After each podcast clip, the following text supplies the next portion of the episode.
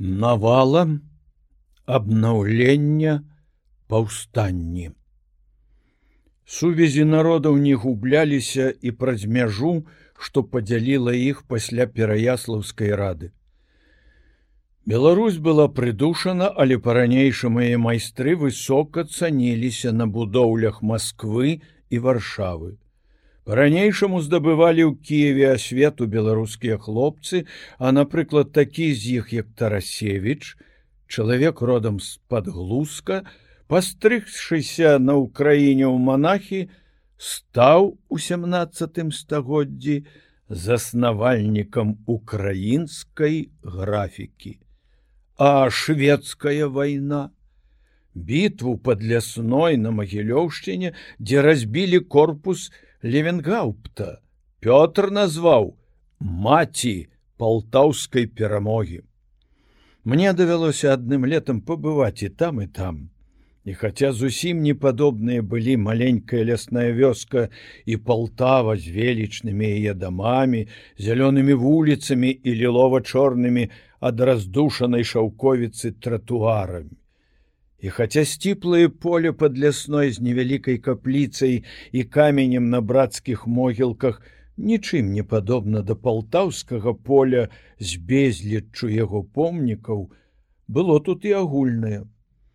Успамін аб вялікай бядзе, кроў самаахвярнасці, уздых палёгкі, што бяду гэтую ўсё ж звалілі ідзеш па нашых землях і вось паўсюль шведскія камяні, шведскія сосны под любчай, сапраўдныя сведкі колішняй бітвы, і там жа урочышча калюгі калоліся штыкамі. І пярэстань, бо зрабілі перамір'я. Спустошаная зямля паступова ажывала працаю простых людзей.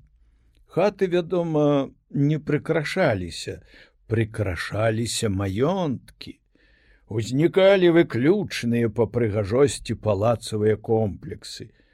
Але ўжо і каля іх з'яўляліся мануфактуры і заводы, э, пакуль што яшчэ панскія на прыгоннай працы мануфактуры тызенгауза у гродні, ліцейны завоз храптовіча ў вішневе, суконныя шкляныя фабрыкі, выганка дзёгцю, смалышкі, пінару, выдатнае урэцкае і налібоцкае шкло, посуд з якога зараз цэніцца летні на вагу золата, мастацкае ткацтва, выраб дываноў, кераміка, мастацкія кафлі, неацэнны теляханскі фаянс. І вядома вяршыня ўсяго слуцкія тканыя паясы. Шырокія літыя залатых срэбных і шаўковых ніцяў затканыя ўзорам пад персідскі але ва ўзор гэты ўплятаюцца звычайныя нашы лісты кветкі валожкі рамонкі званочки зараз таких паясоў зробленых у слуцку мала. Яны цэняцца на сантыметры. Кожны сантыметр каштуе шмат рублёў. Але справа не ў рублях. Золата гэтых паясоў гэта золата рук сялянскіх ткачоў і ткачых. Паэт Макссім богданович напісаў верш пра слуцкіх прыгонных ткачых. Ад родных ніў ад роднай хаты, у панскі двор дзеля красы, яны бяздольныя ўзяты ткаць залатыя паясы. І цягам доўгія часіны, дзявочыя забыўшы сны, свае шырокія тканіны, на лад персідскі ткуць яны. А за сцяной смеецца поле, з'яе неба за акна, і думкі мкнуцца мімаволі туды, дзе расцвіла вясна, дзе блішча збожжа ў яснай далі, сінеюць мелавасількі, холодным срэбрам зяюць хвалі між гор ліючайся ракі. Цямнее край зубчаты бора, і чэ забыўшыся рука, заміж персідскага узора, цвяток радзімы, Васілька. Цягнуцца да неба гарадскія ратушы, бо нараджаецца новая сіла. Узнікаюць палацы, такія комплексы, як палац у ружанах, будынак лепшы, за які цяжка сабе ўявіць, калі глядзіш на яго, бо аб астатніх у гэты момант забываеш.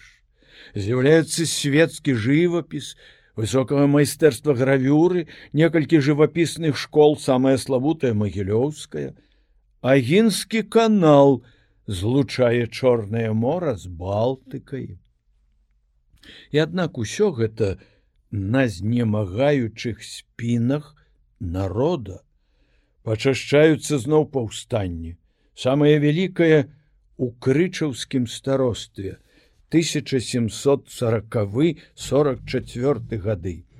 Так, чатыры гады цягнулася яно. На чале гандляр воска Васіль вашчыла, брат яго, гараджане карпачы ветер, бацька карпача, былы бурмістр крычава. Яранім радзівіл аддаў староства в аренду. Ты мне адразу давай грошы а падатак пасля выбірай сам. Колькі выб'еш мяне не датычыцца. Адкупшчыкі браты цковічы разарылі наваколле гор за арду. Убачыўшы, што ідзе галодная смерць, рамеснікі і сяляне паўсталі. Пабілі арандатараў, спалілі кабальныя паперы, пусцілі чырвонага пеўня ў фальваркі.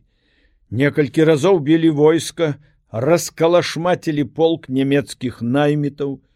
Войска палкоўніка пястрыцкага пры ім быў сам радзівіл, прыйшло з гарматамі. У дзвюх лютых бітвах пад крычавым пад вёскай царковішчы мужыцкае войска было разбітым. Васілю Вашчылю ўдалося ўцячы на ўкраіну.